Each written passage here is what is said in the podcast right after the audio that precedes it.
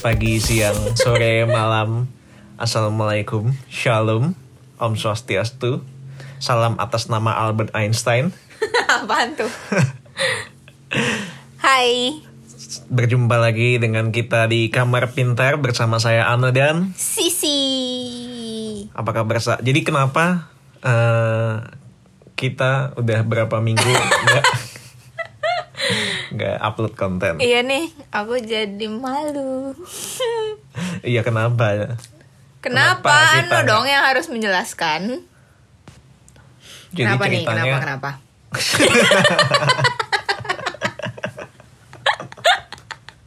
santai dong.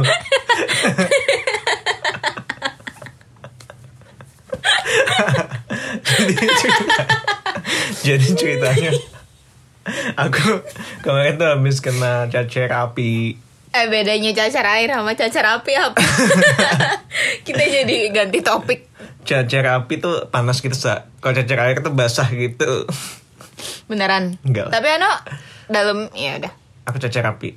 Kalau cacar air tuh ininya lebih menyebar gitu loh. Cacarnya. Hmm, terus kayak gatel-gatel doang tapi kalau cacar api tuh kayak cuman di satu sisi Hmm. terus kayak di satu wilayah gitu terus nggak nyebar. Panas itu ya nyebarnya tuh Oh panas, panas perih gitu. Bagi- dan gatal Hmm. gitu deh Hmm, jadi kemarin Ano ke rumah sakit. betul Oh. tapi malah jadi sehat Jadi ngomong soal sakit dan rumah sakit, Heeh. belakangan ini tuh aku sering ngeliat kayak eh. Iklan story dan iklan-iklan tentang golongan darah dan donor darah ah, gitu iklan loh. golongan darah apa? Eh donor darah maksudnya, donor darah terus kayak butuh golongan darah apa gitu-gitu kan. Hmm, ini bener bener bener Terus, Anda pernah nggak pernah donor darah nggak? nggak pernah Aku juga nggak, tapi aku pengen deh. cobain aja Iya katanya enak. waduh Maksudnya ya. Kayak katanya setelah itu badannya jadi seger. Iya gitu deh. Terus udah gitu aku jadi mikir kan Mm-mm. Kenapa ada golongan darah? Ya pokoknya gitulah. Kenapa gitu? Hmm. buat dibagiin. Soalnya ya terus soalnya Pada suatu hari Eh, iya juga ya, Kan- tapi kalau misalnya kita dulu cuman keturunannya satu orang mah kenapa bisa beda-beda gitu. Nah gitu Jadi kemarin tuh eh, kan ceritanya tuh ada ada kayak dibutuhkan golongan darah B kan. Iya, Aku B. tuh golongan darahnya O btw. Hmm. Nah, Kirain terus- menengah ke bawah. Terus kan kita kan dulu belajar kalau golongan darah O itu bisa buat semuanya kan. Iya bener. Nah jadi aku menawarkan, tapi ternyata nggak bisa. Oh, Ternyata harus sama, harus sama-sama Hmm. itu. Terus aku jadi mikir kan kenapa? Atau mungkin emang kasus khusus nggak bisa kali ya? dan biasanya harus eh kalau yang di kon- dalam konteks ini kayaknya udah yang aku sering lihat sih kayak udah harus kena covid gitu. Oh iya itu kalau covid. Iya iya iya. Nah terus eh, jadinya aku berpikir kan, ternyata setelah aku cari-cari cari-cari tahu, Hmm. golongan darah kita tuh ada banyak. Hmm.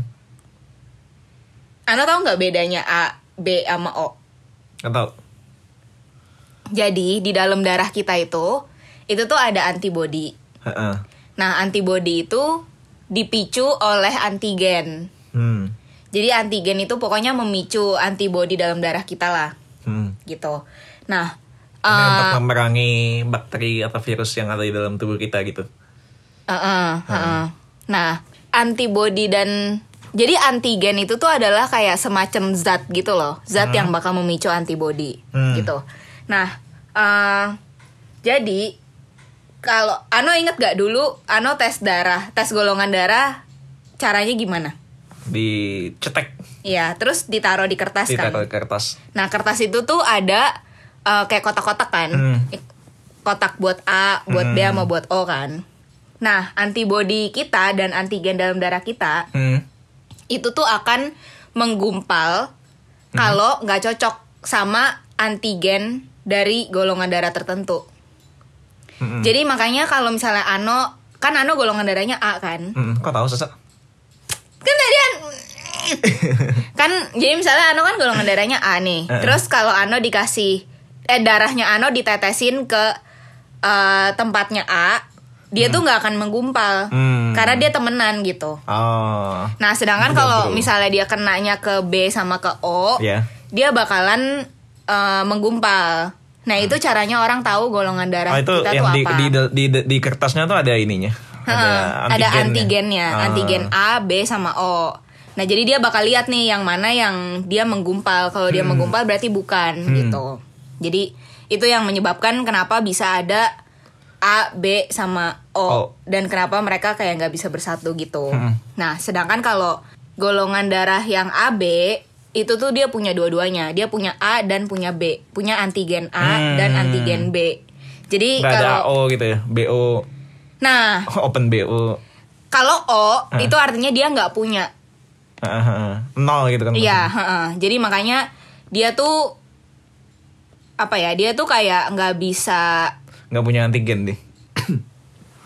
Iya, jadi dia tuh nggak nggak bisa nge ngegumpal di tempatnya A dan B gitu. Hmm. Jadi makanya dia bisa dia bisa dikasih kedua-duanya. Soalnya dia nggak akan menyebabkan penggumpalan. Oh, gitu. Terus uh, Oh, gitu lah. beneran ini, Nah, aku jadi si golongan darah ABO ini nih namanya ABO system. Hmm. Ya, ya. Bukan ABO. ya. Oh, O tuh maksudnya karena orang luar nyebut nol tuh kan kadang jadi O gitu kan. Makanya di kita jadinya O. Gak tahu ini Hmm, asumsi. aku nggak atau- tahu sih. Oh. Aku nggak tahu kalau ada origin namanya itu. Tapi ya pokoknya intinya kalau O itu dia nggak punya antigen A dan B. Jadi Hmm. makanya dia bisa di dua-duanya dia nggak menggumpal gitu. Nah jadi itu yang menyebabkan ada empat golongan darah. Jadi ada A yang cuman punya A doang, B dan AB yang punya dua-duanya, sama O yang nggak punya antigen sama sekali gitu. Nah, sejarahnya kenapa bisa ada banyak golongan darah ini adalah ternyata golongan darah itu dimulai dari golongan darah A. Hmm. Jadi golongan darah A itu Wah, yang tertua. Di origin ternyata. Iya. Jadi yang golongan darah A itu yang paling tua dan eh, setelah itu ada genetic mutation Hmm. yang muncul eh, jadinya B. Jadi dia tuh kayak muncul eh, antigen baru jadi disebutnya B gitu. Hmm, oh, maksudnya karena dia kayak ketemu Dia mutasi gitu. Pokoknya ini kayak kayaknya mutasi Karena gen itu evolusi gitu ya? mm-mm. kayak panjang banget prosesnya dan akhirnya muncullah si B ini hmm. tiga setengah juta tahun yang lalu Oh. gitulah pokoknya jadinya eh, karena ada mutasi gen Hmm. jadi makanya akhirnya muncullah si B ini Mm-mm. Dan ini juga disebabkan karena adanya kadar gula dalam darah yang menyebabkan mutasi ini Hmm. Oh, oke. gitu nah terus Kalau misalnya aku kebanyakan gitu, ntar aku bisa bikin ini baru. golongan darah baru Nah, nah terus udah gitu satu juta tahun kemudian Hmm. dari golongan darah B ini ditemukan Hmm. muncullah si O Hmm. yang dia nggak punya apa-apa sama sekali gitu karena apa-apa. mutasi genet mutasi genetik juga Mhm. gitu. Nah terus akhirnya karena mereka bergabung perkawinan dan lain-lain akhirnya muncullah kombinasi antara A dan B jadi Ah. makanya ada AB. eh, AB gitu. Nah terus kalau kita lagi eh maksudnya golongan darah kita itu kan endingnya tuh ada positif sama negatif kan Hmm. ada A plus kan gitu. Nah itu namanya resus resus ini di- Kebangkitan. jadi resus ini nih adalah kadar protein dalam darah kita gitu. Hmm. Jadi kalau misalnya kita punya protein dalam darah itu jadinya resusnya positif. Tapi kalau nggak ada itu resus negatif Hmm. gitu. Nah tapi di dunia ini yang resusnya positif itu yang paling umum. Hmm. Jadi yang negatif tuh jarang banget gitu. Terus eh, gara-gara ada kadar eh, antigen, protein dan lain-lain itu, itu kan bikin kita jadinya sebenarnya golongan darah jadi nggak cuma empat kan, jadi ada delapan. Ya, empat kali Karena masing-masing kan ada yang Iya. plus dan negatif kan. Nah jadi yang paling universal yang bisa di mana pun itu adalah O negatif. Hmm. Jadi karena dia nggak punya antigen dan dia nggak punya protein, Kasian. Terus apa, aku positif. Oh, Jadi- kayak udah nggak punya apa-apa. Jadi makanya karena dia kosong gitu loh, kayak Ah. dia nggak ada antigen, dia nggak ada protein, dia nggak akan clash gitu, nggak akan Hmm. menyebabkan komplikasi ke Hmm. golongan darah yang lainnya gitu. Jadi makanya yang negatif itu yang paling universal, Eh, Begitu. positif dong yang paling universal tadi. yang negatif. Karena Oh, yang oh, negatif kan maksudnya- nggak punya protein Maksudnya kan, universal bisa bisa, bisa, dikasih di ke siapa pun. bisa Gitu. dikasih ke siapa pun. Tapi aku juga suka ngasih daerah aku ke nyamuk sih. Thanks. Gitulah. Nah jadinya pokoknya karena uh, perbedaan-perbedaan ini nih yang bikin badan kita tuh akan otomatis menolak golongan darah yang lainnya. Soalnya dia akan menyebabkan penggumpalan gitu. Karena jadi begitu. Misalnya aku, misalnya Ano nih, kan kalau aku nggak bisa jadi contoh soalnya aku nggak ada karena aku O kan. Kalau Ano kan berarti Ano punyanya yang A kan. Hmm. Terus dikasih yang B, badan Ano tuh akan nganggep itu benda asing gitu. Hmm. Jadi akan melawan. Hmm. Jadi Ano tuh akan ngelawan darah sendiri gitu. Makanya nanti akan terjadi penggumpalan dan lain-lain gitu. Begitu ceritanya. Nah, jadi badan kita tuh akan otomatis nyiptain eh, antibody yang melawan golongan darah lainnya ah, ah. gitu. Terus udah gitu aku jadi mikir kan, apa yang akan terjadi kalau seseorang mendapat transfusi darah yang golongannya salah? Hmm. Kayak apa yang akan terjadi gitu. Terus aku jadinya cari-cari kan. Penggumpalan tadi kan. Iya, nah terus kayak aku tuh bingung gitu kayak maksudnya Kalau udah menggumpal terus ah, apa? ah, ah, ah. iya kayak what is the worst thing that could possibly happen gitu. Terus udah gitu. Jadi Hmm. kalau misalnya dia ini tuh kalau dia salah ya dapat golongan darah yang salah tuh di namanya incompatibility reaction. Hmm. Jadi kayak incompatible. Ketidakcocokan. Heeh. Nah dia tuh nanti awal-awal tuh sebenarnya kayak masih Biasa apa ya aja. biasa aja kayak kayak sakit biasa kayak demam udah pastikan kayak demam tuh kayak sign pertama kita kalau ada sesuatu yang salah dalam badan kita kan Hmm. dia bakal demam sesak nafas pegel-pegel mual jadi ini tuh kayak penyakit yang kayak emang reaksi pertama Ha. dalam badan kita kayak kalau kita kena bakteri atau virus apa pun tuh pasti akan kayak gitu kan Hmm. Gitu terus lama-lama. Enggak ya? hmm, enggak tapi eh, kayak apa pegel-pegel terus punggungnya sakit gitu-gitu Oh, kayaknya itu karena faktor u uang. terus udah gitu nanti ujung-ujungnya tuh campak Oh. jadi badannya bakal kayak merah-merah gitu-gitu kan jadi kalau misalnya kita habis terima transfusi darah Hmm. Dan kita udah pernah campak kan berarti kita harusnya nggak nggak nggak akan campak lagi kan Hmm. tapi kalau misalnya kita terjadi campak itu berarti harus Darahnya salah. segera iya harus buru-buru dicek soalnya bisa aja darahnya tuh salah Oh, terus gimana caranya? terus Heeh. Eh, Sasa mau lanjutin jelasin yang ini lagi. dampaknya Apa yang terjadi? Eh, terus udah gitu nanti setelah segala macam tadi gejala-gejala tadi, ha. tadi, dia tuh bakal nyebabin penggumpalan dalam darah kan. Nah terus penggumpalan ini akan menyebabkan pendarahan Hmm. kayak mimisan, pendarahan-pendarahan. Dan kalau misalnya ini bener-bener nggak diketahui sama sekali sama dokter, kayak transfusinya berjalan terus, makin banyak Oh. makin banyak darah yang masuk terus ke badan kita, ujung-ujungnya ginjal yang bakal kena. Hmm. Jadi kidney failure, Hmm. gagal ginjal. Gitu. Nah, itu tuh udah udah kayak bakalan sangat-sangat apa ya? mematikan gitu loh. Kayak kalau misalnya udah sampai kena Hmm? Gagal ginjal. GGG eh GGG GGGL GGL. GNJL. Iya, thanks. Gitu. Jadi eh, tapi biasanya kalau misalnya udah demam, udah Heeh. eh, mual-mual, biasanya kan pasti kita bakal ngomong kan ke dokternya. Nah, itu biasanya bakal langsung masuk ke Nah, ini terjadinya setelah berapa lama kita melakukan transfusi darah? Akhirnya langsung atau ada Kalau yang demam dan lain-lain itu few minutes. Jadi Oh, benar-benar kayak dalam bener-bener. beberapa menit kita udah langsung ngerasa nggak enak badan gitu, langsung mual dan lain-lain. Nah, tapi kalau misalnya sampai ke ginjal kayak tiap orang bakal beda-beda deh durasinya. Gitu. Tapi itu bakalan jauh lebih lama. Jadi makanya begitu. Kalau misalnya udah mulai demam, mual, pegel-pegel itu udah langsung biasanya mereka langsung masukin ke ICU Hmm. gitu. Nah terus kalau misalnya dicurigai nih kayaknya salah transfusi darah, dokternya itu bakal ngambil eh, darah kita, tes darah gitu untuk ngeliat apakah ada Penggumpalan. penggumpalan dan sel darah merah yang saling menghancurkan. Oh. Jadi dia kayak bisa lihat gitu loh kalau misalnya sel darah merah kita tuh dihancurin dengan sel darah merah lainnya gitu. Terus dia Eh, akan Bukannya yang menghancurkan itu biasanya sel darah putih ya? Oh iya iya iya. Iya bener bener bener. Heeh. Sel darah putih. Ya pokoknya dia bakal lihat kayak Apakah terjadi kehancuran sel darah merah iya.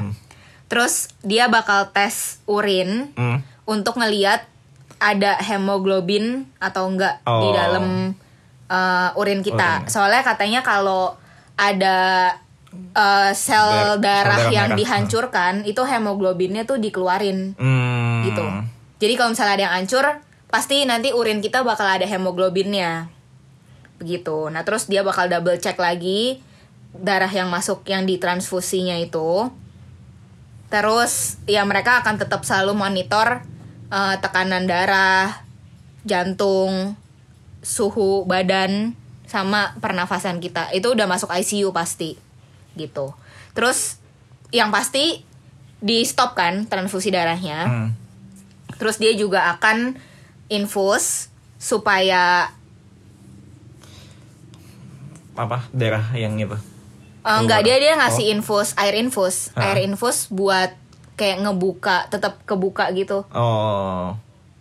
apanya ya yang kebuka Maksudnya biar Kayak- darahnya tetap mengalir gitu. Enggak menggumpal. iya ya kayak nggak mampet gitu terus udah gitu ya dan dia akan banyak treatment lah untuk supaya menghentikan gagal ginjal Hmm. Gitu. Terus nanti dia kasih oksigen dan sebagainya itu. Begitu. Tapi good newsnya eh, penggumpalan eh penggumpalan kesalahan transfusi ini nih terjadinya benar-benar jarang banget. Jadi dalam satu juta kasus transfusi darah palingan cuman empat yang salah transfusi. Dari satu juta. Tapi jadi lumayan banyak sih. Kayak dari 270 masyarakat Indonesia berarti kayak 4 empat kali 270 iya ribuan. 4 banding 1 juta iya sih dan biasanya tuh kesalahan itu karena salah labeling Ah. labeling dari kantong darahnya waktu donor darah Iya, iya, jadi iya. begitu ada satu misalnya ada satu kasus yang salah pasti langsung semua itu dites ulang kantongnya soalnya bisa aja ada kantong lain yang salah kan Iya, iya, iya. gitu Keren. terus eh, udah deh akhirnya ya dan dia bakalan transfusi darah yang sebenarnya Yang yang, benar. sesuai sama golongan darahnya Hmm. gitu-gitu gitu nah terus ada interesting facts-nya adalah banyak orang yang kalau misalnya dia mau operasi dan dia tahu dia butuh transfusi darah biasanya beberapa minggu sebelumnya dia udah eh, ambil darah dia sendiri Hmm? buat transfusi ke diri dia nanti Oh. gitu. Jadi biasa kan kalau operasi kan ada jadwalnya kan dia udah tahu kapan dia harus operasi kayak bukan sesuatu yang mendadak kan. Hmm. Iya, iya. Kalau misalnya kasusnya kayak gitu biasanya orang-orang tuh udah eh, transfusi dulu eh apa donor apa sih ini namanya ngambil darah dia Nabung sendiri. Darah dulu. Iya iya ya nabung dulu dia ambil dulu darahnya Biar disimpan. dana darurat. Ya supaya nanti pas dia operasi dia akan mendapatkan darah dia sendiri, Hmm. bukan dari keluarga atau dari orang-orang lain. Soalnya kan kalau itu health historinya kan juga Iya, iya. bakalan bahaya kan kalau misalnya ada apa-apa gitu. Begitu. Terus udah gitu fun fact soal golongan darah, ini aku juga baru tahu sih. Hmm? Yang pertama tentang penyakit malaria.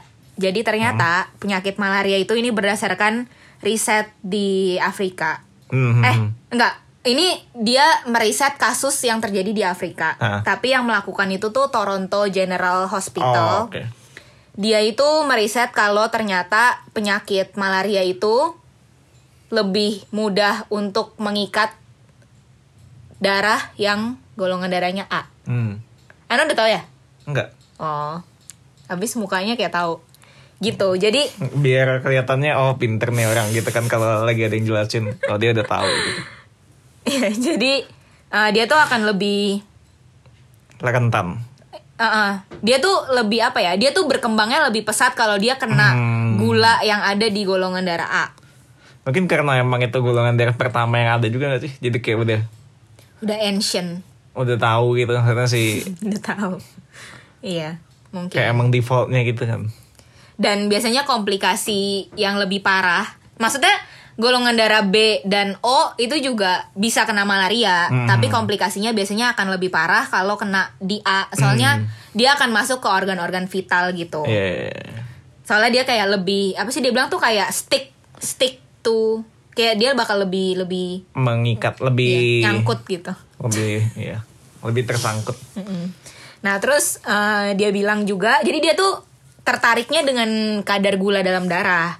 Nah jadi katanya orang yang dengan golongan darah O kalau kena malaria dia akan sakitnya tuh lebih Ringan. sedikit ya lebih Ah. ringan gitu. Tapi di sisi lain, ini aku kayak kaget sih pas aku tahu ini karena bener banget, aku kayak ngerasa banget golongan darah O Ah. itu lebih uh, mudah untuk terkena ada satu bakteri nama bakterinya itu Helicobacter pylori Hmm. Dan ini adalah bakteri yang menyebabkan sariawan Oh. jadi golongan darah O itu bakal lebih sering sariawan dibanding golongan darah lainnya terus kayak bener banget gila aku gampang banget Hmm. ya sangat-sangat gampang gitu. Ini berdasarkan National Institute of Health Clinical Center gitu. Dia yang bilang kalau golongan darah O itu lebih gampang sariawan. Begitu. Terus udah gitu aku jadi penasaran lagi kan. Hah. Kan soalnya golongan darah ini kan kita ngomongin manusia. Hah. Terus aku jadi mikir kalau binatang tuh punya golongan darah apa enggak Nah, ternyata ternyata ini ini dia dia ini aku nggak dapetin data untuk semua binatang ya Hah. ini cuma beberapa doang yang pertama itu anjing anjing itu punya delapan Golongan darah iya bentuknya A B C gitu. nggak namanya namanya macem-macem gitu pas kemarin Oh. aku ini tapi aku nggak nggak catet pokoknya anjing punya delapan kuda juga punya delapan Hmm. kucing punya sebelas Hmm. jadi kucing eh kayak kalau golongan darahnya banyak tuh susah banget gak sih nyarinya? Iya, iya. Bingung sih. Kalau mereka butuh transfusi gitu. Terus yang gila lagi, sapi Aku belum pernah dengar binatang transfusi darah transfusi sih. darah. kayaknya. Hmm. Mungkin kalau mereka Kayak ada donor operasi. darah gitu kayak mungkin Oh, iya emang ya? nggak diumumin gitu. Oh iya ya. Cuman di di apa? eh, apa vet dokter hewannya iya doang mungkin. gitu. Sapi tebak 20. enggak. Oh. oh, bukan bukan 20 berapa? Tebak lagi. Lebih banyak. Lebih. 28. Enggak. Lebih kurang. Lebih lagi. 36. Enggak. 128. 800. 800. Uh-uh. Iya. Cuman aku bingung sih apa eh lagian ya kalau misalnya bisa aja ada golongan darah lain yang belum ketes gak sih? Ah. Emang dia ngetes berapa ekor sapi coba? Eh. Dia ngetes 10 ribu Nah, misalnya misalnya 50 ribu sapi ternyata ditemukan 800 golongan darah bisa aja di luar sana masih ada golongan darah lain ya gitulah jadi ternyata binatang punya golongan darah lebih banyak daripada kita Sama Dewa Hindu aja lebih banyak kan golongan darahnya sapi. kalau golongan darah anjing tuh dia Aneh-aneh gitu namanya. Kayak kode gitu kan. Hmm, pakai nomor dan dia tuh sebutnya apa ini bacanya? Dog erythrocyte antigen an- antigen. Hmm. Dog erythrocyte antigen. Nah, disingkatnya jadi DEA, DEA. Oh. Terus DEA ini yang nomornya banyak ada 1,1, 1,1, 1.1, 1.1, 1.2, 3, 4, 5 gitu. Iya, eh tapi yang ini ngomong-ngomong soal golongan darah, manusia itu sifatnya dan karakternya emang dipengaruhi golongan darah. iya, menurut Ano gimana? ano percaya nggak? Hmm, ah, ah, tapi beberapa apa namanya beberapa studi yang dilakukan sendiri sendiri emang kayak ada yang Tapi iya kadang terbukti cuman kayak apa yang mempengaruhi sih. Iya. Kalau misalnya golongan darah B males-malesan Mungkin ya. Heeh. Ini hepo hepo. Hipotesa gembel aku adalah karena Ano tau gak sih kalau tingkat bukan tingkat perasaan bahagia sedih itu tuh disebabkan oleh kadar eh, hormon iya hormon dan sel-sel yang dikirim ke otak Hmm. kayak ada serotonin, Hmm. dopamin dan lain-lain itu kan. Itu yang bikin kita jadi seneng, sedih, Ha. marah gitu-gitu kan. Nah, aku tuh hipotesa aku adalah mungkin di dalam darah itu juga ada kandungan-kandungan hormon-hormon yang kayak gitu Mhm. dan dia akan mensuplai otak kita dengan hormon itu. Jadi makanya tiap orang tuh akan punya sifat yang beda-beda. Kayak misalnya nih, misalnya misalnya kayak golongan darah O ternyata punya hormon sesuatu yang lebih tinggi terus makanya dia jadinya lebih bawel, lebih hiperaktif. Hmm, hmm. Terus kalau golongan darah A misalnya adanya yang apa yang lainnya jadi dia lebih kalem, lebih rapi gitu-gitu. Kayak soalnya perasaan kita dan sifat kita kan disebabkan oleh signal yang dikirim ke otak Ah, kan. iya. Dan salah satunya pasti darah dong yang akan dibawa ke otak kita. Dan mungkin itu yang nyebabin nggak tahu nggak tahu. Tapi ayah O dan ibu O bisa beranak. Eh ayah A dan ibu A bisa beranak O juga gak sih? Soalnya kan itu kan kayak yang A O A O Oh. gitu kan perkawinan sil eh bukan perkawinan silang apa sih namanya? Iya iya iya. Heeh, heeh. Perkawinan itu. Hmm, kalau A sama A bisa O gak ya? Mung Kalau dua-duanya sama sama punya Mungkin. O kayaknya bisa deh. apa? Iya gak sih? Kalau dua-duanya sama-sama punya O gitu. Kan Oh. soalnya nggak nggak nggak mesti A A itu kan ada dua gitu kan? Iya iya iya iya. Nggak mesti A A A A gitu. Iya iya iya, aku lupa sih si pohon-pohon itu kan. Heeh. Iya. Harusnya sih mungkin. Tapi mungkin akan perbandingannya kecil banget dan pasti akan lebih banyak A-nya. Hmm. Cuman tapi kalau ngomongin sifat emang aku ngerasa sih Hmm. kayak kayak entah kenapa bener gitu. Aku kan B. Iya, mungkin apa? On the next episode. Uh, next. Sosok udah sa- udah habis materinya. Udah. Uh, Kita Iya. to be continue sama itu ya nanti. Sifat-sifat golongan darah. kalau kalian tertarik Hmm. mau tahu tentang sifat-sifat masing-masing golongan darah, kita minta bisa Ano. bahas. Thanks. Ano yang bahas. Thank you buat Sosa yang udah uh, review golongan darah Review. Uh, dan menjelaskan sejarah kenapa Hmm. golongan darah orang bisa beda-beda. Semoga, Kenapa bisa muncul golongan darah baru gitu. Semoga tidak membingungkan. Hmm, WG WG.